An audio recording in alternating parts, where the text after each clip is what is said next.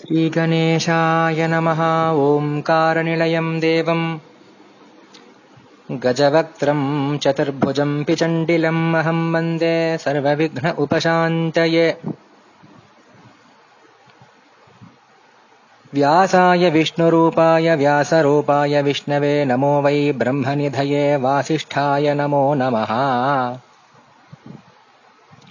जयति पराशरसूनुः सत्यवती हृदयनन्दनो व्यासः यस्यास्य कमलगलितम्।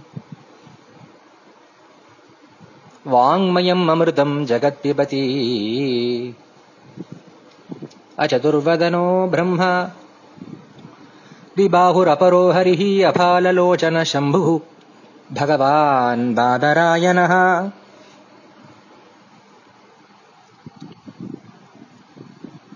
न गुरोरधिकम् न गुरोरधिकम् न गुरोरधिकम् न गुरोरधिकम् शिवशासनतः शिवशासनतः शिवशासनतः शिवशासनतः। श्रुतिस्मृतिपुराणानामालयम् करुणालयम् नमामि भगवत्पादशङ्करम् लोकशङ्करम् अपारकरुणासिन्धुम् ज्ञानदम् शान्तरूपिणम् ஸ்ரீச்சந்திரசேகரகுரும் பிரணமாமி முதான்வக பரம பவித்திரமான ஆஷாட மாசத்து பூர்ணிமை. ஜூலை மாசம் இருபத்தி நாலாம் தேதி பிராதவியாபினி பூர்ணிமை உண்டு. அன்னைக்கு அது வியாச பூஜை வியாச பூர்ணிமா குரு பூர்ணிமா. யதீஸ்வரெல்லாம் வியாச பூஜை பண்ற பரம பவித்திரமான ஒரு திருதினம். குரு பூர்ணிமா ரொம்ப முக்கியம். வேதவியாசர் இல்லாம நம்ம சனாதன தர்மம் கிடையாது. அந்த வேதவியாசர் நமக்கு அவருக்கு கிருஷ்ணத்வைபாயனர் தான் பேரு. வியாசத்துவம் சித்தியாச்சு. வியாசாய விஷ்ணு ரூபாயங்கிற ஸ்லோகத்தினால அவர் தான் ஹரி ஹரியுடைய ஒரு அம்சபூத்தரா அவர் திரிகாலஜானியா இருந்து அகண்டமா இருக்கிற வேதங்களை பலவிதமா பிரிச்சு தன் சிஷ்யர்களான பைலர் வைஷம்பாயனர் சுமந்து ஜெய்மினி இவாளுக்கெல்லாம் கொடுத்தார். அது மட்டும் இல்லாம வேதத்தோட பொருளை எல்லாரும் தெரிஞ்சுக்கணும். எல்லா ஜனங்களுக்கும் அது போய் சேரணும். அப்படிங்கிறதால பரமகர்ம பஞ்சமோ வேதகன்னு சொல்லப்படுற அஷ்டாதச புராணங்களையும் பாரதம்ங்கிற இத்திஹாசத்தையும் அவர்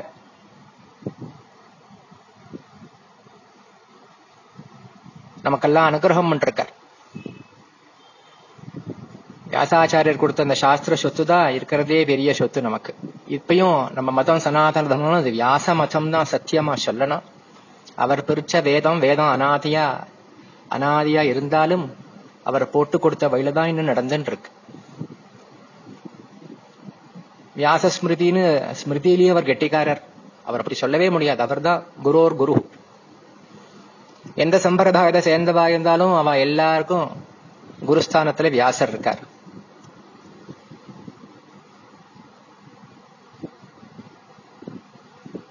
அப்பேற்பட்ட வியாச பூர்ணிமை நாளைக்கு. நான் இன்னைக்கு பேசிட்டு இருக்கிற நாள் ஜூலை மாசம் இருபத்தி மூணாம் தேதி வெள்ளிக்கிழமை. சாயங்காலம் வியாபனி பூர்ணிமை பூஜைக்கெல்லாம் ரொம்ப சிறந்தது. இருந்தாலும் யதீஸ்வரால் பண்ற அந்த பூஜை ஆறு நாழிகை பொழுது வரலையுமாதும் அது கொஞ்சம் வேலையாவது இருக்குன்னு அதே போல நிச்சயம் இருக்கு. அதனாலே குரு பூர்ணிமை வியாச பூர்ணிமை. ஆகாமாவை புண்ணிய காலம்னு ஒரு பவித்திரமான தினமும் நாளைக்கு அமைகிறது. ஜூலை மாசம் இருபத்தி நாலாம் தேதி. அதாவது ஆஷாட மாச பூர்ணிமை காலம்பரை இருக்கும் பொழுது அன்னைக்கு அருணோதய காலத்துல நாம ஸ்நானம் பண்ணணும். எப்பயும் நித்திய ஸ்நானம் பண்றது சிரேஷ்டம். அதுல அந்த பூர்ணிமா தினங்களை பண்றது அதை பார்க்க சிரேஷ்டம். அதுலயும் ஆஷாடம் கார்த்திகம் மாகம் வைசாகங்கிற அந்த நாலு மாசத்துடைய அந்த நாலு முதல் எழுத்த சித்தம் ஆகாமாவின்னு சொல்றான் உதயாத் பிராக் சதஸ்ரஸ்து நாடிகா அருணோதய தத்திர ஸ்நானம் பிரசம்சந்தி. சஹி புண்ணியதமஸ்பிருதா சூரியோதயத்துக்கு நாலு நாழிகை முன்னாடியிலேருந்து அருணோதயம். அந்த தின அந்த நேரத்துல நம்ம பண்ற ஸ்நானம் ரொம்ப புண்ணியமான ஸ்நானம். அந்த புண்ணிய ஸ்நானம்னு பேரு. பலம் ரூபம் யசோ தர்மம். ஞானம் ஆயு சுகம் திருதிம் ஆரோக்கியம் பரமாப்னோதி சமயக் ஸ்நானேன மாணவா பலமும் அழகும் புகழும் தர்ம புத்தியும் ஞானமும் ஆயுசும் சுகமும் தைரியமும் ஆரோக்கியமும் பரம் ஆப்னோதி நிறைய கிடைக்கும். இதே போல நம்ம பண்ற அருணோதய ஸ்நானம் அது அகாமாவே ஸ்நானங்கள்னால. விசேஷமா நம்ம குருநாதால ஸ்மரிச்சுண்டு ஒரு துளி நீர் நம்ம சிரசு மேல விட்டுண்டாலும் அவ்வளவு தீர்த்தங்களும் அங்க இருக்கு அப்படின்னு தெரிஞ்சுக்கணும். விசேஷமா ஆஷாட பூர்ணிமையோ குரு பூர்ணிமை வியாச பூர்ணிமை சொல்றதுனாலே வேதவியாச சுவாமியும் அவாவா ஆச்சாரியாலையும் விசேஷமா நாம ஸ்மரிச்சுண்டு குருமூர்த்தி தட்சிணாமூர்த்தியை ஸ்மரிச்சுண்டு குருமூர்த்தி ஹயக்ரீவர் ஸ்மரிச்சுண்டு குருமண்டல ரூபின் இருக்கிற பராசக்தியை ஸ்மரிச்சுண்டு குரு குஹனை ஸ்மரிச்சுண்டு ஸ்ரீ கணேச குருவை ஸ்மரிச்சுண்டு ரவியை ஸ்மரிச்சுண்டு அவாவால் இஷ்டதேவத குலதேவத குரு ஆச்சாரியன் ஆச்சாரிய தத்துவத்துக்கான நாள் இது அவசியம் ஆகாமாவையில ஆஷாட பூர்ணிமா அருணோதய ஸ்நானம் விசேஷம் விசேஷமா இன்னைக்கு குரு பக்தி பண்ண ஒரு சிஷ்யன். அவருடைய கதை அவர் குரு அவருக்கு பண்ண கிருப்ப இத பத்தி ஒரு கதை மார்க்கண்டேய புராணத்திலிருந்து பார்க்க போறோம். சாதாரணமா மார்க்கண்டேய புராணமா எல்லாருக்கும் சட்டுன்னு ஞாபகம் வருது தேவி மகாத்மியம் சப்தசதி சண்டி. அது மார்க்கண்டேய புராணத்திலேருந்து தான் எடுக்கப்பட்டிருக்கு. அதுல மன்வந்தரான வர்ணனம்னு ஒவ்வொரு மகாபுராண லட்சம் இல்லையா? மன்வந்தரானு கதனம்னு பதினாலு மனு மனுக்களுடைய காலம். சுவாயம்பவம் ஸ்வாரோச்சிஷம் உத்தமம் தாமசம் ரைவதம் சாக்ஷுஷம். ஆறு மனுக்கள் காலம் முடிஞ்சு இப்ப வைவஸ்பத மன்வந்தரே அப்படின்னு ஏழாவது மனுவோட காலம். ஒரு மனுவோட காலம்ங்கிறது எழுபத்தோரு சதுர்யுகம். ஒரு சதுர்யுகங்கிறது கிருத திரேதா துவாபர கலியுகம்னு நாலும் சேர்த்தா ஒரு சதுர்யுகம். அது நாற்பத்தி மூணு லட்சத்தி இருபதாயிரம் வருஷங்கள் நம்மளுடைய மனிதர்களுடைய கணக்கு பிரகாரம் ஆறுது. ஒரு சதுர்யுகத்துக்கு. அதை எழுபத்தோரு தடவை பெருக்கினேல்னா எந்த தொகை கிடைக்குமோ அது ஒரு மனுவோட காலம். அந்த ஒரு மனுவோட காலம் தான் ஒரு இந்திரனோட காலம். இந்திரனும் ஒரு பதவி தான் இப்ப இருக்கிற இந்திரனுக்கு புரந்தரன் அப்படின்னு பேரு. தேஜஸ்வின்னு சொல்லப்படுறார். அப்படி பவித்திரமான இந்த மனுக்கள்ல ஏழாவது மனுல நம்ம இருக்கோம். தொடர்ந்து அந்த சாவரணி மனு நட வரப்போற மனு சாவரணின்னு பேரு. அவருடைய காலத்தை பத்தி அவருக்கு அந்த மனு மனுத்துவ சித்தி எப்படி உண்டாச்சு பராசக்தி அனுகிரகத்தினால அதை நிரூபணம் பண்றதுக்காகத்தான் இந்த பகவதி மூணு விதமான சரித்திரங்கள்ல மதுகைட்ட பவதம் பண்ணி மகிஷாசுரபதம் பண்ணி சும்ப பவதம் பண்ணி சுரத சமாதி அப்படின்னு சொல்லப்படுற அந்த சுரதராஜனுக்கு ரெண்டாவது மனுவோட காலத்துல சுவாரோஷிஷ மன்வந்திர காலத்துல அவர் இருந்தார். அவர் பண்ண தபசுக்காக அம்பாள் மேதாவி மகர்ஷியினால தேவி தத்துவத்தை தெரிஞ்சுண்டு நவாட்சர மந்திரத்தால பகவத்திய உபாசனை பண்ணி நீ எட்டாவது மனுவா ஆக போற அப்படின்னு அப்பயே ரெண்டாவது மனுவாக எட்டாவது மனுவுக்கு அந்த ராஜாவை தேர்ந்தெடுத்துட்டாள் அம்பா. சமாதி வைசியனும் மறுபடியும் பிறக்க வேண்டாம் எனக்கு ஞானம் முக்தி தான் வேணும்னு சொல்லி அதையும் வாங்கிட்டார். மோட்ச பிரசாதம் இவருக்கு ராஜ்ய பிரசாதம் அதான் சாவர்ணி மனு எட்டாவது மனு. அப்புறம் சாவர்ணி சாவர்ணின்னு முடிய ஒரு நாலு மனுக்கள் வருவா.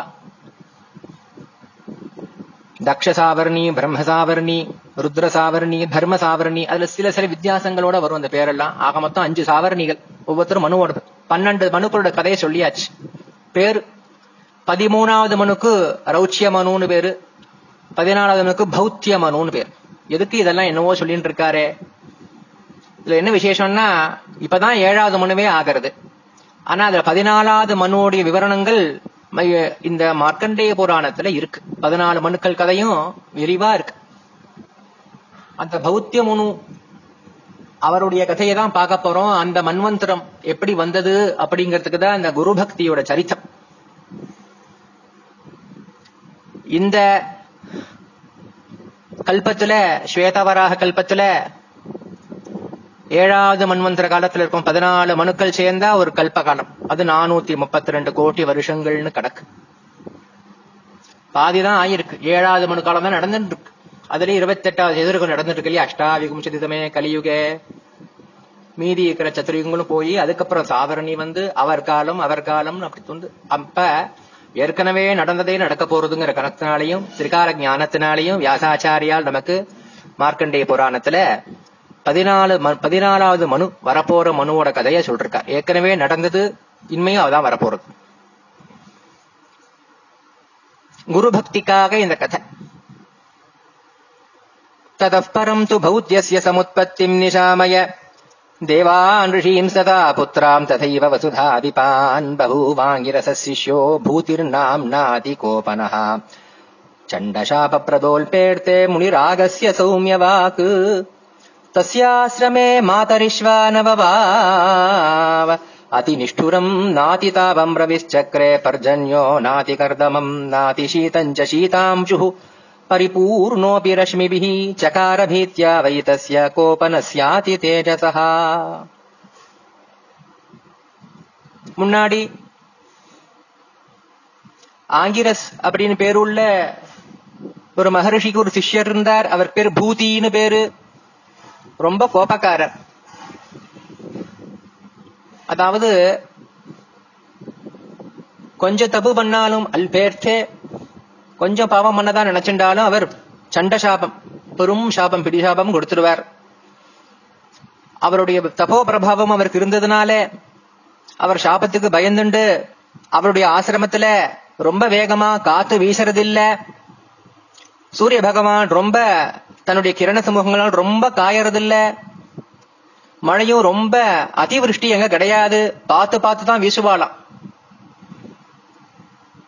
சீதாம்சு சந்திரனும் தன் கிரணங்களை ரொம்ப ஜாஸ்தி அங்க கொட்டுறது இல்ல ரொம்ப குளிர்ச்சி ரொம்ப வெயில் ரொம்ப காத்து ரொம்ப மழனே கிடையாது அங்க. கண்ட்ரோல்டு என்விரான்மெண்ட் மாதிரி சகார பீத்தியா வைத்தசிய சாட்சாத் அவாலா பஞ்சவ பூதங்களும் சூரிய சந்திராலுமே அவர் மேல இருக்கிற பயத்துனால அவா கொஞ்சம் ஜாகிரதையா தான் இருந்தா. ரிதவச்ச கிரமந்தியக்வா விரக்ஷேஷு ஆசிரம ஜன்மசூ தசிய पुष्पफलम् चक्रुरु आज्ञया सार्वकालिकम् ऊहुरापश्च छन्देन तस्याश्रमसमीपकाः कमण्डलुकताश्चैव तस्य भीता महात्मनः नातिक्लेशसहो विप्रसोऽभवत् कोपनो भृशम् अपुत्रश्च महाभागः सतपस्य करोन्मनः பக்கத்திலேயே நதி போயிட்டு இருக்கும் அந்த நதியும் எந்த தீர்த்தங்களும் அவருடைய கமண்டலும் அப்படி நீட்டினா உடனே ரொம்ப ஜலம். ரொம்ப அவ பரிசிரமமே பட பரிம பரிசிரமப்பட்டா கோபம் வந்துருமோன்னு ஜலதேவதைகளுக்கே பயம். அவரும் கிளேசங்களை ரொம்ப தாங்க மாட்டார். அப்படி போல. அதி கோபனர். ஆனா தபஸ்வி. அவருக்கு ஒரு பிள்ளை இல்லை. இதுல இருந்து அவர் கிரகஸ்தர்னு தெரியறது. ஆனா அவருக்கு உத்தரப்பிராப்தி ஏற்படல. அதுக்காக தபஸ் பண்றதுக்காக அவர் நினைச்சிருந்தார். பஞ்சாக்னி தபஸ் எல்லாம் பண்ணுவா. ஆனா அவர் மேல இருக்கிற பயத்தினால காத்து ரொம்ப வீசறது இல்ல வெயில் ரொம்ப காயறது இல்ல மழை ரொம்ப பெய்யறது இல்ல ரொம்ப குளிர்றது இல்ல அதனால எப்படி தபஸ் சித்திக்கும் இருக்கு அதனாலயே அந்த தபசையும் அவர் பண்ணி முடிக்க முடியல. ஏன்னா எல்லாமே ரொம்ப என்விரான்மெண்ட் ரொம்ப கூலா பெர்ஃபெக்டா இருந்தது கிளைமேட் அதுல எப்படி தபஸ் பண்ணணும்? கொடுமையான வெயில் நாலு பக்கம் அக்னி மூட்டி தகிக்கிற சூரியனை பார்த்துண்டு பஞ்சாக்னி தபஸ்லாம் பண்ணுவா இல்லையா? மகா குளிரு அந்த குளிர்லயும் ஒரு ஜலாசயத்துல கழுத்து மட்டும் நின்னுண்டு ஜபம் பண்ணுவா. ஆனா சீதோஷ்ணங்கள்லாம் ரொம்ப ஜாஸ்தி அவ ஆசிரமத்துல கிடையாது. அவருடைய குணவைபவத்தினாலே அவர் தபசுனாலே அந்த நேரத்துல தஸ்ய பிராதா சுவர்ச்சா பூத் யஜ்ஞே தேனாபிமந்திரிதா. इयासुः शान्तिनामानम् शिष्यमाह महामतिम् प्रशान्तम् अक्षप्रतिमम् विनीतम् गुरुकर्मणि। सदोद्युक्तम् शुभाचारमुदारम् मुनिसत्तमम्। अहम् यज्ञम् गमिष्यामि भ्रातुः शान्ते सुवर्चसः। तेनाहूतस्त्वया चेह यत्कर्तव्यम् शृणुष्व तत्। प्रतिजागरणम् मन्येस्त्वया कार्यममाश्रमे तथा तथा प्रयत्नेन यथाग्निर्नशमम् व्रजेत् இந்த பூதிங்கிறவருக்கு ஒரு சகோதரன் உண்டு அவருக்கு சுவர்ச்சான்னு பேரு அவர் ஒரு யஜ்ஞம் பண்ண போறார். அதுக்கு நிமந்திரணம் பண்ணிருக்கார் தன் சகோதரனை. வேதங்களும் கரைச்சு குடிச்சிருக்கா இல்லையா? அந்த நேரத்துல இவருக்கு ஒரே ஒரு சிஷ்யன் உண்டு. அந்த சிஷ்யனுக்கு சாந்தின்னு பேரு. பேருக்கு பரமசாந்த குணம். ரொம்ப பணிவு குரு பக்தி வினீதம் குருவுக்கு பண்ண கருமால அவ்வளவு பணிவா அழகா காரியத்தை பண்ணும் அந்த குழந்தை. பூதி சொன்னார் ஏ சாந்தே! அண்ணா சுவர்ச்சஸ் என்ன கூப்பிட்டுருக்கார்? அவர் பண்ண யாகத்துக்கு நான் போக போறேன் நான் வர வரலையும் நீ ஒரு காரியம் முக்கியமா பண்ணணும். நீ கவனமா இருந்து விழிஞ்சு இருந்து விழிச்சு இருந்து தூங்கிடாதடா. நெருப்பு அணையாம அக்னி சாலையில நெருப்பு கட கட கடனான்னு எரிஞ்சுட்டு இருக்கணும். அக்னி சாந்தமா கூடாது தொடர்ந்து அக்னிசாலை எல்லாம் அவ பண்ணது எல்லாமே அக்னி உபாசனை தானே. தேவதைகளுக்கோ பித்திருக்களுக்கும் இப்பயும் நம்ம ஹோமங்கள்னு பண்றோம். இல்லையா? ஸ்வாஹா ஸ்வதான்லாம் கொடுத்து அதனால அக்னி அக்னி உபாசனை தான் ரொம்ப பிராச்சீனம். சமிதாதானம் என்ன? ஔபாசனம் என்ன? அக்னிஹோத்திரம் என்ன? இது எல்லாமே அக்னி தான முக்கியம். உடனே அவர் சொல்றார் நான் வரவரலியும் இந்த அக்னி அணையாம நீ பாத்துக்கணும். சொல்லிட்டு அவர் தன் அண்ணாவுடைய யாகத்துக்கு புறப்பட்டு போயாச்சு. பூதி. இத்தியாஜாபியதேத்யுக்தோ குரு சிஷ்யேன சாந்தினா ஜகாமயஜம் தம் பிராதுராஹூத சவயவீயசா சச்ச சாந்திர்வனாத்யாவத் समित्पुष्पफलादिकम् उपानयति भृत्यर्थम्। गुरोः तस्य महात्मनः अन्यच्च कुरुते कर्म गुरुभक्तिवशानुगः प्रशान्तस्तावदनलो योऽसौ भूतिपरिग्रहातम् परिग्रहा दृष्ट्वा सो अनलम् शान्तम्। शान्तिरत्यन्तदुःखितः भीतश्च भूतेर्बहुधा चिन्तामापमहामतिः किम् करोमि कथम् चात्र भविता गमनम् गुरोः। मयाद्य प्रतिपत्तव्यम् किम् कृते सुकृतम् भवेत्। அப்படியே ஆகட்டும் குரு. அப்படி நமஸ்காரம் பண்ணார். குரு புறப்பட்டு போயாச்சு. சாமகிரி எல்லாம் எடுக்கிறதுக்காக சமித்து பழங்கள் இதெல்லாம் பறிச்சுன்னு வரணுமே. அக்னி உபாசனைக்காக புஷ்பங்கள் அதை பறிச்சுட்டு வர்றதுக்குள்ள என்ன காரணத்தினாலேயோ? ஆசிரமத்தில் இருக்கிற அக்னி கிட்டத்தட்ட அணைஞ்சு போனா போல ஆச்சு சாந்திமாயிருக்க அக்னி தணைஞ்சு போயிடுச்சு. அதை பார்த்த உடனே நடுநடுங்கி போயாச்சு சாந்தி. போ பெரிய பாப்பம் பண்ணிட்டேனே. குருநாதர் பார்த்து பார்த்து சொல்லிட்டு போனாரே விழிப்பாயிரு. அக்னி அணையாம பாத்துக்கோன்னு சொன்னாரே. இப்படி அந்த அக்னி அணைஞ்சு போறத நான் தான் காரணம்னா என்னென்ன? குருநாதருடைய கோபத்துக்கு நான் வசப்படுவேனோ? நான் இப்ப என்ன பண்ணா எனக்கு நல்லது? யோசிச்சு யோசிச்சு பார்த்தார். யத்யன்யமக்னிமத்ராஹம் அக்னிஸ்தானே கரோமி தது. சர்வம் பிரத்யக்ஷ திருக்பஸ்ம சோவசியம் மாம் கரிஷ்யதி என்ன பஸ்மமாவே பண்ணிடுவார் சோகம் பாபோ குரோஸ்தஸ்ய निमित्तम् कोपशापयोः तथात्मानम् न शोचामि यथा पापम् कृतम् गुरो दृष्ट्वा प्रशान्तमनलम् नूनम् शप्स्यति माम् गुरुः अथवा पावकक्रुद्ध तथा वीर्यो हि सद्विजः यस्य प्रभावात् बिभ्यन्तो देवा तिष्ठन्ति शासने कृतागसम् स माम् युक्त्या कया नाधर्मयिष्यति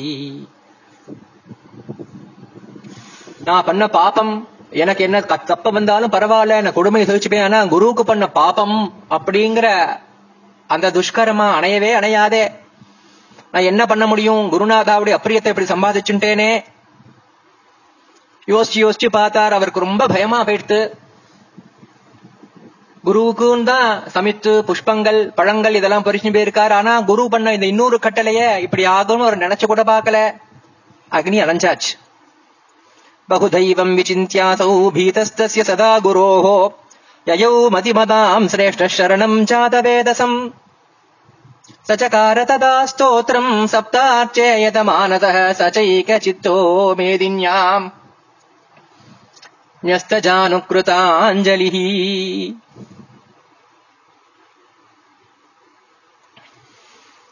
அந்த அக்னி பகவானைய பார்த்து பிரார்த்தனை பண்ண ஆரம்பிச்சார் அந்த சாந்தி அற்புதமான அக்னி ஸ்தோத்திரம் இப்ப வரப்போறது இந்த ஸ்தோத்திரத்தை கேட்கறதே ரொம்ப பவித்ரம்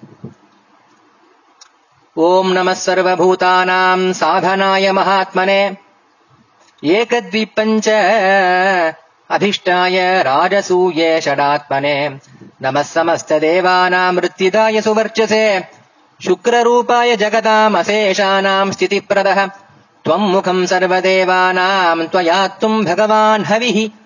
प्रीणयत्यखिलान् देवान् त्वत्प्राणाः सर्वदेवताः।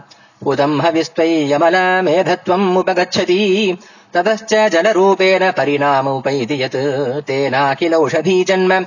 भवत्यनिलसारभे ओषधीभिरशेषाभिः सुखम् जीवन्ति जन्तवः वितन्वते नरायज्ञान्।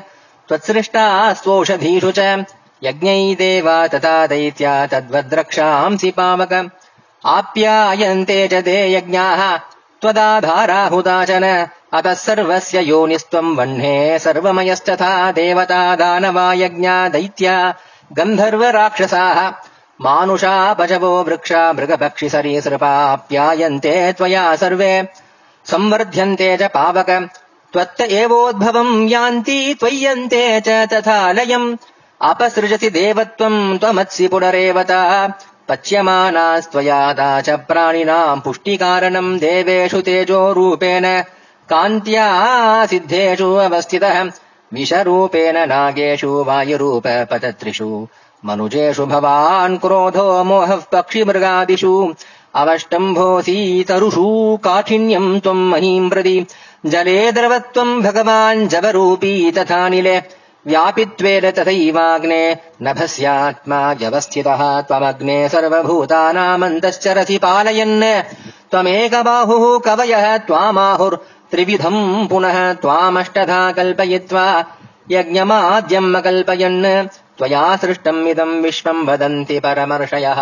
त्वामृते हि जगत्सर्वम् सद्यो नश्येधूताशन तुभ्यम् कृत्वादिजः पूजाम् स्वकर्म विहिताम् गतिम् प्रयाति हव्यकव्याद्यैः स्वधा स्वाहाभ्युदीरनात् परिणामात्मवीर्या हि प्राणिनामराचितः दहन्ति सर्वभूतानि ततो निष्क्रम्य हेतयः जातवेदस्तवैवेयम् विश्वसृष्टिमहाद्युते तवैव वैदिकम् कर्म सर्वभूतात्मकम् जगत्। नमस्ते। अनलपिङ्गाक्ष नमस्तेऽस्तु हुताशन। पावकाद्य नमस्तेऽस्तु नमस्ते हव्यवाहन त्वमेव भुक्तपीतानाम् पाचनाद्विश्वपावकः। सस्यानाम् पाककर्ता त्वम् पोष्टा त्वम् जगदस्तदा त्वमेव मेघः त्वम् वायुः। त्वम् बीजम् शस्य हेतुकम् पोषाय सर्वभूतानाम् भूतभव्यभवो ह्यसि। त्वम् ज्योतिः सर्वभूतेषु त्वमादित्यो विभावसुः। त्वमहस्त्वम् तथा रात्रिः उभे सन्ध्ये तथा भवान् हिरण्यरेतास्त्वम् वन्ने हिरण्योद्भवकारणम् हिरण्यगर्भश्च भवान् हिरण्य सदृशप्रभः। त्वम् मुहूर्तम् क्षणाश्च त्वम् त्वम् त्रुटिः त्वम् तथा लवः कलाकाष्ठा निमेषादिरूपेणासि जगत्प्रभो। त्वमेतदखिलम् कालः परिणामात्मको भवान् या जिह्वा भवतः काली। कालनिष्ठाकरी प्रभो भयान्नः पाहि पापेभ्य ऐहिका च महाभयात्।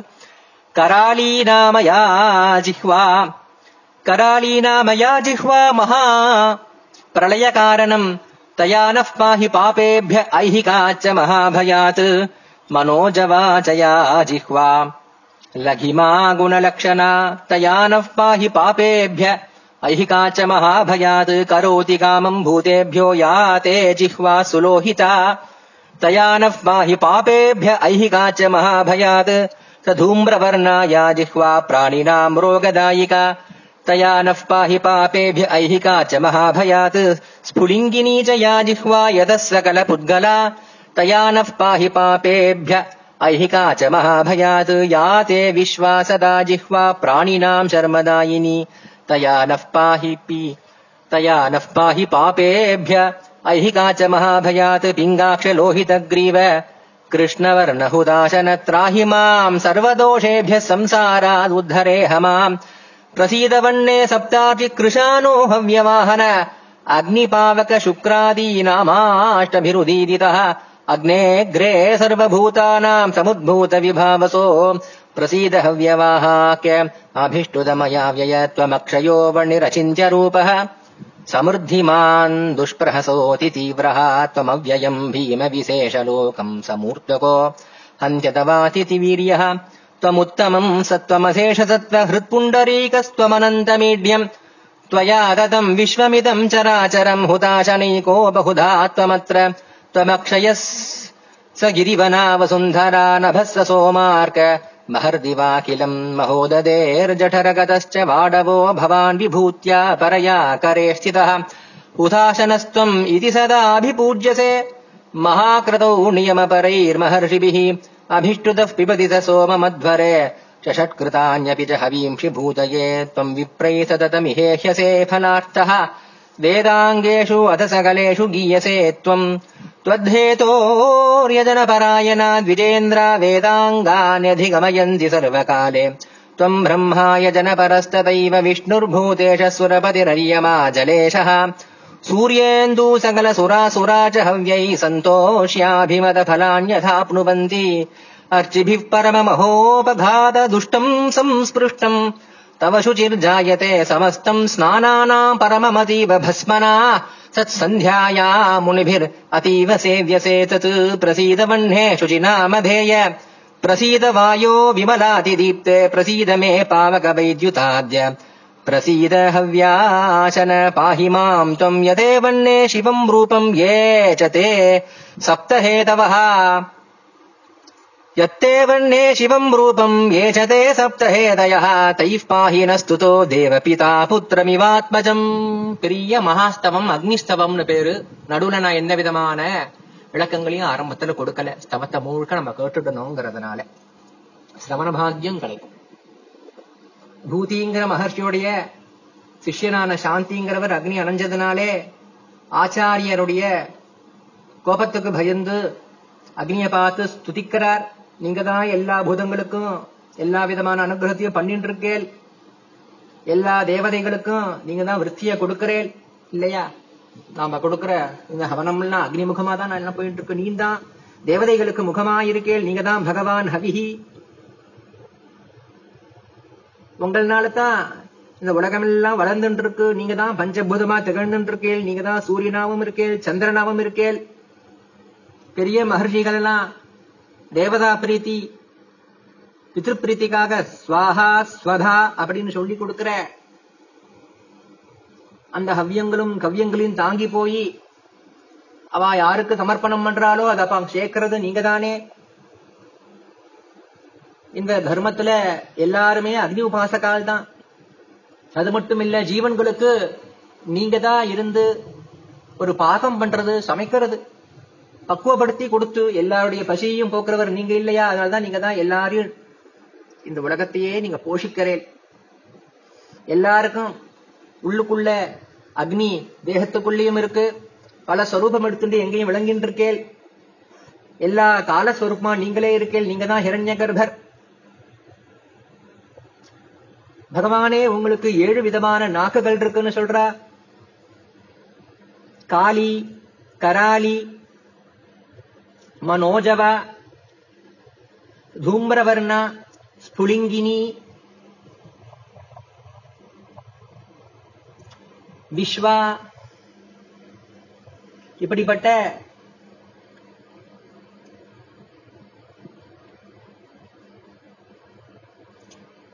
ஏழு நாக்குகள்னாலையும் எங்களுக்கு உண்டான எல்லா பாபங்கள்லேருந்தும் நீங்க போக்கி அனுகிரகத்தை பண்ணணும். தயான பாஹி பாபேபிய ஐஹிகாச்ச மகாபயாது இந்த லோகத்துல பண்ண பாபங்கள் அதனால் ஏற்படுற பயங்கள்லேருந்து சுவாமியுடைய ஏழு நாக்க தான் அவர் பிரார்த்திக்கிறார். காளி கராளி மனோஜவன் சுலோஹிதா தூம்ரவர்ண ஸ்புலிங்கினி விஸ்வா இது ஏழும் அக்னியுடைய ஏழு விதமான நாட்கள் நாக்குன்னா அந்த அக்னியுடைய சுடர்கள் இல்லையா? அது ஏழு விதமா கணக்கு பண்ணப்படுறது. நீங்க தான் பிண்டாட்சன் நீங்க தான் கிருஷ்ணவர்ணன். திராஹிமாம் சர்வதோஷேபிய என்ற எல்லா விதமான பாப்பங்கள் தெரிஞ்சு நான் நான் இதுவரையும் தெரிஞ்சு எந்த பாப்பமும் பண்ணதில்லை. குருநாதாளுக்கு சுசுரூஷப்பட்டது மட்டும்தான் என் தொழில் நினைச்சுட்டு இருக்கேன். இந்த பெரிய பாப்பமும் நடந்துடுத்து அரைஞ்சு போன அக்னியை நோக்கி இந்த ஸ்தவம் பண்றார் அவர். சாந்தி. நீங்க தான் பாவகர் நீங்க தான் பவமானர் நீங்க தான் அக்னி நீங்க தான் சுச்சி. அற்புதமான இந்த தவத்தை கேட்ட உடனே சொல்றார் கடைசியில எவ்வளவோ ஸ்நானங்கள் உண்டு ஆக்னேய ஸ்நானம்னு ஒண்ணு உண்டு. பஸ்மத்தை எடுத்து பூசிக்கிறது.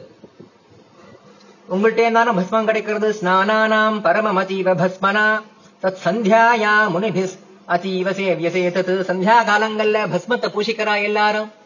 முனிவர்கள்லாம் அதுக்கு பஸ்ம ஸ்நானம்னு பேரு. வாயவிய ஸ்நானம் பஸ்ம ஸ்நானம் திவ்ய ஸ்நானம் வாருண ஸ்நானம். இப்படி எல்லாம் ஸ்நானங்கள் உண்டு. ஆர்ஷ ஸ்நானம். உங்களுடைய பவித்திரமான இந்த சிவமயமான ரூபத்தினாலே பகவானே பாஹினஹ பாஹினஹ ஒரு அப்பாவானவர் புத்திரன் எப்படி ரட்சிப்பாரோ அப்படி என்னைக்கும் விடாம நான் இந்த சமிதாதானங்கள்லாம் பண்ணி உங்களுடைய சுசுரூஷ பண்ணிட்டு இருக்கேன். என்ன நீங்க பயந்து போயிருக்கிற என்ன ரட்சிக்கணும். ஒரு பிதா புத்திரர் ரட்சிக்கிறா போலேன்னு அக்னி பகவானை பார்த்து இப்படி உருகிறார். அந்த சாந்தி. ஏவம் சுதஸ்ததஸ்தேன பகவான் ஹவ்யவாஹனஹ. ஜுவாலாமாலா விரதஸ்தத்ர தஸ்யாதி தக்ரதோ முனே. சுவாமி உடனே அப்படியே தக தக தக தகன் அக்னி பகவான் கேட்கவா வேணும் ஜொலிச்சுண்டு. அந்த சாந்திக்கு முன்னாடி பிரசன்னமானார். குழந்தை ஏ பிராமணா பக்தியோட நீ பண்ண ஸ்துதி எனக்கு பரம துஷ்டியை உண்டாக்கியிருக்கு. வரம் கொடுக்கிறேன். என்ன வேணும்? எதை வேணா நீ பிரார்த்தனை பண்ணலாம். பகவன் கிருத கிருத்தியோஸ்மி யத்வாம் பசியாமி ரூபினம் ததாபி பக்தி நம்ரஸ்ய பவதா ஸ்ரூயதா மம பிரார்த்திருயஜம் கதோ தேவ மமாச்சாரியோ நிராசிரமாத் ஆகதச்சாசிரமம் திஷ்டியம் त्वत्सनाथम् स पश्यतु ममापराधात् सन्त्यक्तम् धिष्ट्यम् यत्ते विभावसो। तत्त्वयाधिष्ठितम् सोऽद्यपूर्वत् पश्यताम् द्विजः तदान्यदपि मे देव प्रसादम् कुरुषे यदि पुत्रो विशिष्टो भवतु। तदपुत्रस्य मे गुरोः। यथा च मैत्रीम् तनये स करिष्यति मे गुरुः। तथा समस्तसत्त्वेषु भवत्वस्य मनो मृदु।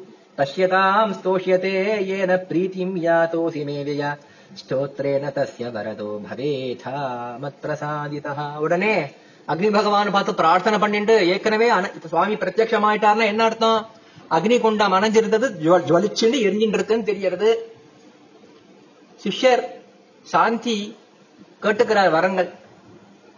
எப்படி ஒரு சிஷ்யன் வரம் கேட்கிறோமோ அப்படி கேட்கிறார். சுவாமி பகவானே குருநாதா யாகத்துக்கு போயிருக்கார். அவர் வரும்பொழுது நீங்க ஜொலிச்சுண்டு இங்க எப்பயும் சாநித்தியமா இருக்கிறத பார்த்து அனுகிரகம் பண்ணட்டான். யோசிச்சு பார்த்து இன்னொன்னு கேட்கிறா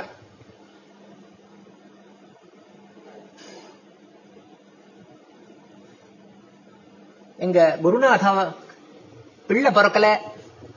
அவருக்கு ஒரு புத்திரன் விசேஷமான குணமுள்ளவன். குருநாதாவுக்கு ரொம்ப பிரீத்தி உள்ளவன் பிறக்கணும். எங்க குருநாதர் பொதுவா எல்லா ஜீவராசிகள் மேலேயும் அவருக்கு கருணை பிறக்கணும் சமஸ்த சத்வேஷு பவத்து அஸ்ய மனோ மிருது மிருதுவான சுபாவத்தோட எல்லார் மேலையும் அவர் உள்ளுக்குள்ள ரொம்ப இனிமையானவர். வெளில அது காமிக்க தெரியாது. சில பேருக்கு அப்படி. எப்பயுமே சந்தோஷமா மிருது சுபாவத்தா அவர் இருக்கட்டும் அவருக்கு ஒரு புள்ள பிறக்கட்டும் இதெல்லாம் கேட்ட உடனே அவர் பிரார்த்தனையை பார்த்து ரொம்ப சந்தோஷப்பட்டு போயாச்சு. விஜசத்தமான இருக்கிற ஸ்துதி பண்ண அந்த சாந்திய பாட்டு அக்னி பகவான் சொல்றார் குரோரர்த்தே யதோ பிரம்மன் யாச்சிதம் தே வரத்வயம் நாத்மார்த்தம் தேன மே பிரீதி त्वय्यतीव महामुने भविष्यदेतत् अखिलम् गुरोर्यत् प्रातितम् त्वया मैत्री समस्तभूतेषु पुत्रश्चास्य भविष्यति मन्वन्तराधिपः पुत्रो भौत्यो नाम भविष्यति महाबलो महावीर्यो महाप्राज्ञो गुरुस्तव அப்பா உனக்குன்னு எதுவுமே கேட்கல குருநாதாவுக்கு பிள்ளை பிறக்கணும். குருநாதா எல்லா ஜீவராசிகள் மேலேயும் அன்பு பாராட்டி மிருது சுபாவமா இருக்கணும். இப்படின்னு குருக்காவுக்கே எல்லாம் வேண்டின்னு இருக்க. உனக்கு இது வேணும் அது வேணும் நீ கேட்கல அதனால எனக்கு இன்னும் ரொம்ப சந்துஷ்டி உண்டாச்சு. நீ கேட்டா போலயே உன் குருநாதாவுக்கு மன்வந்தராதிபனான ஒரு புள்ளன் பிறக்க போறான். மகாபலன் மகாவீரியன் மகா ஞானி மகா பிராக்ஞன் அது மட்டும் இல்லை அங்க குருநாதர் எல்லா ஜீவராசிங்கள் மேலேயும் இன்னிலேந்து ரொம்ப குளிர்ந்த சுவாவ உள்ளவரா திகழ்வார். தனக்கு எதுவும் கேட்கலேங்கிறதுனால அவரை பார்த்து சாந்தியை பார்த்து அக்னி பகவான் சொல்றார் அனேன ஸ்தோஷியதே மாம் சமாஹித தஸ்யாபிலஷிதம் சர்வம் புண்ணியச்சாசிய பவிஷ்யதி யஜ்ஞேஷு பர்வகாலேஷு தீர்த்தே ஜ்யா ஹோம धर्माय भटरामेतन्मम पुष्टिकरम् परम्। अहोरात्रकृतम् पापम् श्रुतमेतत् सकृत् द्विज।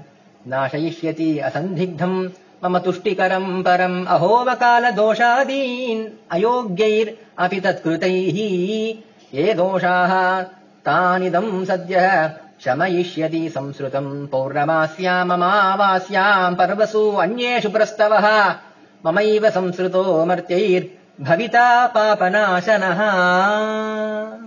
சுவாமி பலஸ்ருதிய அவரே சொல்றார் அக்னி பகவான் சொல்றார் அப்பா சாந்தி நீ பண்ண இந்த ஸ்தவம் இருக்கு இந்த பரமஸ்தவத்தை யாரு சொல்றாலோ படிக்கிறாளோ கீர்த்தனம் பண்றாளோ அவளுக்கு என்னென்ன அபிலாஷைகள் உண்டோ அதையெல்லாம் அவளுக்கு இந்த ஸ்தோத்திர பட்டணம்ங்கிற புண்ணியத்தினால நான் கொடுக்கறேன். அதெல்லாம் நடக்கும் அபிலாஷைகள்லாம் நிறைவேறும். யஜ்யங்கள்ல பருவகாலங்கள்ல தீர்த்தங்கள்ல ஹோமகர்ம காரியங்கள்ல பலவிதமான இஜ்யான்னு சொல்லப்படுற பலவிதமான அக்னி காரியங்கள் பொழுது பக்தியோட தர்மத்துக்காக இதை படிக்கணும். இந்த அக்னி ஸ்தவத்தை ஹோம காலங்கள் யஜ்ய காலங்கள் யாக காலங்கள் இஷ்டி காலங்கள்ல அவசியம் படிக்கணும். அதனால மம புஷ்டிகரம் பரம். அதனால அக்னி பகவானுக்கு புஷ்டி உண்டாருது. அக்னி சாநித்தியம் அங்க பூர்ணமா இருக்கு. பகலும் ராத்திரியும் பண்ண பாபம். இந்த ஸ்தோத்திரத்தை ஒரு தடவை பூர்ணமா காது கொடுத்து கேட்டா அகோராத்திர கிருதம் பாபம் பகலும் ராத்திரியும் பண்ண பாபம் ஸ்தோத்திரத்தை கேட்டாலே போகும்.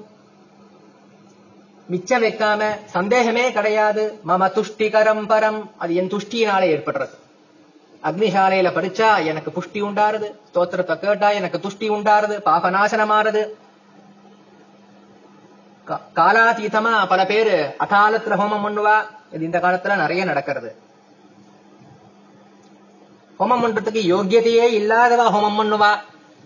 விற்த்தினால நமக்கு இது விற்பி உத்தியோகம் நினைச்சுண்டு கண்ட நேரத்துல கண்டவர்கள் பண்ற ஹோமம். அதனால எவ்வளோ விதமான பாப்பங்கள் சம்பாதனமாறது ஏ தோஷாக தானிதம் சத்ய ஷமயிஷ்யதி சம்ஸ்ருதம். அதனால என்ன தோஷம் ஏற்படுறது? அந்த தோஷங்களும் கூட இந்த அக்னிஸ்தவத்தை படிச்சா சாந்தி யாரது? எப்பேற்பட்ட பலஸ்ருதி.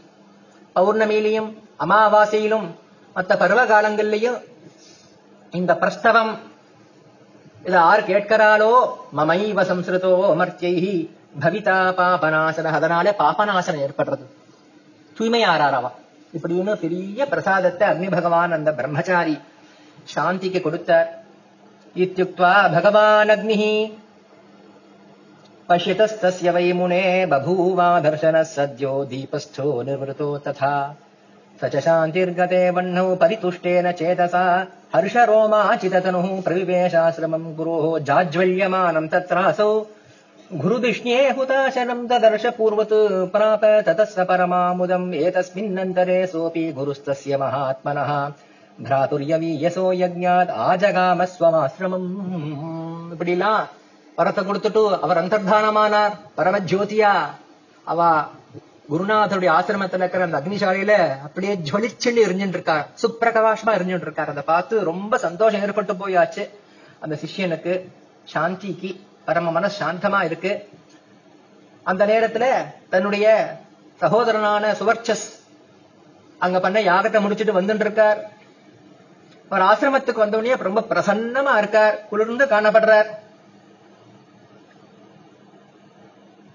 तस्याग्रतश्च शिष्योऽसौ चक्रे पादाभिवन्दनम्। गृहीतासनपूजश्च तमाह सतता गुरुः। वत्स अतिहार्दम् त्वयि मे तथान्येषु च जन्तुषु।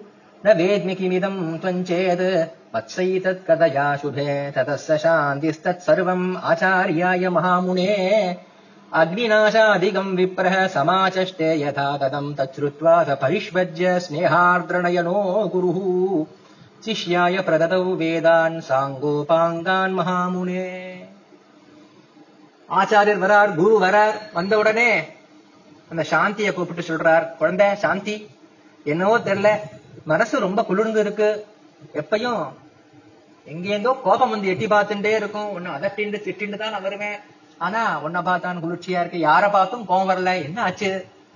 அக்னி இவ்வளவு பிரகாசமா எரிஞ்சுட்டு இருக்கு என்ன ஆச்சுன்னு தெரியலையே அப்படின்னு சொல்லிட்டு இருக்கிற நேரத்துல குருநாதர்கிட்ட எதையும் மறைக்காம தான் சாமகிரியெல்லாம் சேகரம் பண்ண போயிருக்கும்போது அக்னி அணைஞ்சு போனதையும் வந்து அக்னி பகவானை தான் பிரார்த்தனை பண்ணிட்டதையும் தான் கேட்ட பிரார்த்தனைகள் அவர் செவிமெடுத்து ததாஸ்துன்னு சொன்னதையும் குருநாதருக்கு புத்திரனையும் அவருக்கு உண்டான சுபாவம் ரொம்ப மிருதுவா இருக்கணும்னு தான் வேண்டின்றதையும் இதெல்லாம் சொன்ன உடனே குருநாதருக்கு அந்த சிஷ்யனை பார்த்து அவ்வளவு ஒரு உருக்கம். அவருக்கு பரம ஆனந்தம். அந்த சிஷ்யனை பார்த்து அவருக்கு ஆர்திரனைனும் அவருக்கு கண்ணீரே வந்துட்டான் கண்ணீரினால தன் சிஷியனுக்கு அபிஷேகம் பண்றார் அவர். பரிஷ்வஜ்ய வித்யாசுத்தா இருக்கிற அந்த சிஷ்யன் சுசுரூஷ பண்ணிட்டே இருக்க குருநாதருடைய அவ்வளவு திட்டையும் வாங்கிண்டு அவருக்கு பெரிய ஆசீர்வாதம். குருநாதர் பண்ணார். சிஷ்யாய பிரதது வேதான். சாங்கோபாங்கான் மகாமுனே. அன்னிலேந்து குருநாதர் அனுகிரகம் பண்ணி தன்கிட்ட இருந்த எல்லா வேதத்தையும் நால் வேதம் ஆரங்கம்னு சொல்லுவாளே அது எல்லாத்தையும் சாங்கோபாங்கான் ஒண்ணு விடாம பூர்ணமா வித்யை முழுக்க அந்த சாந்திங்கிற சிஷ்யனுக்கு அந்த பூதிங்கிற குரு அனுகிரகம் பண்ணி கொடுத்தார். அவர் சுயமா தபசு கூட பண்ணியும் கிடைக்காத புத்திரலாபம் சிஷ்யனுடைய பிரார்த்தனைக்காக பிரார்த்தனையினால அக்னி பகவான் ததாசு சொல்றதுனாலே அவருக்கு ஒரு புள்ள பிறந்தான். பூத்திங்கிறவருக்கு ஒரு புள்ள வசுதேவன் குழந்தை வாசுதேவன்கிற போல பூத்தியோட பிள்ளைக்கு பௌத்திய அப்படி பௌத்தியோ நாம மனுஸ்தஸ்ய புத்திரோ பூதே ரஜாயத. தஸ்ய மன்மந்தரே தேவான் ரிஷீன் பூபாம் சமே இது பவிஷ்ய காலம் நடக்க போறது இது. ஆனா ஏற்கனவே நடந்தா போல சொல்றது என்ன? பிரதி கல்பத்துக்கு இதே போல பதினாலு மனுக்கள் வரப்போறா. சாமான்யமான புத்திரன்ல ஒரு மன்வந்தராஜன புத்திரனை பெற்றெடுத்தார் அந்த பூதிங்கிற ரிஷி. அவருக்கு பௌத்தியன்னே பேரு. அந்த பௌத்திய மன்வந்தர காலத்துல அதான் பதினாலாவது கடைசி மனுவோட காலம். சாக்ஷுஷா கனிஷ்டா பவித்ரா பிராஜிரா தாராவிருக்கா இப்படின்னு அஞ்சு கணங்களா தேவதைகள் இருப்பா.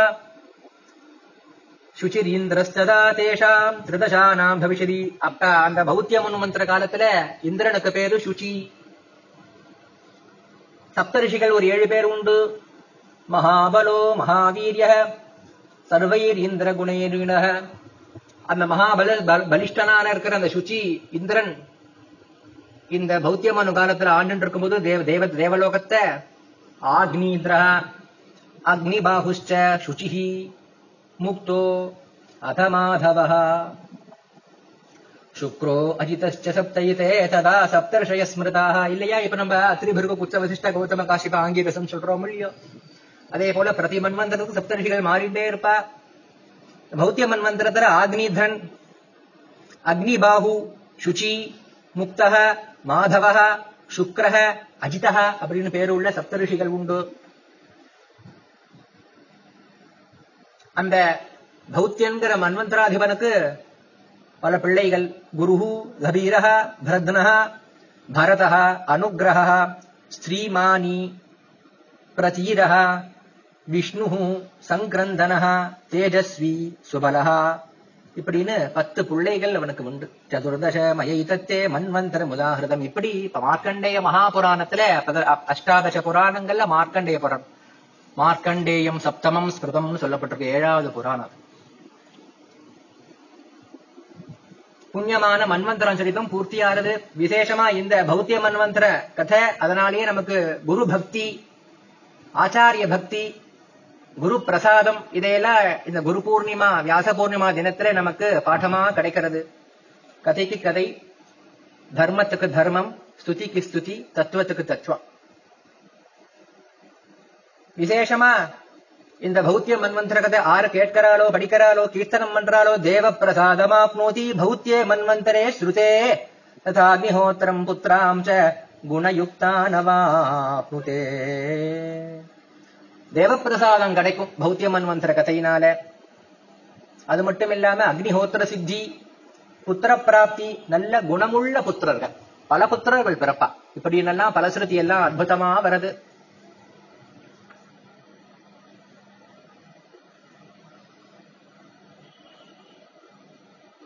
அதனாலே நாம எல்லாரும் குரு பூர்ணிமையும் பொழுது இந்த தடவை அது பூர்ணிமை காலம்பரம் இருக்கு ஆகாமாவி புண்ணிய காலமா இருக்கு.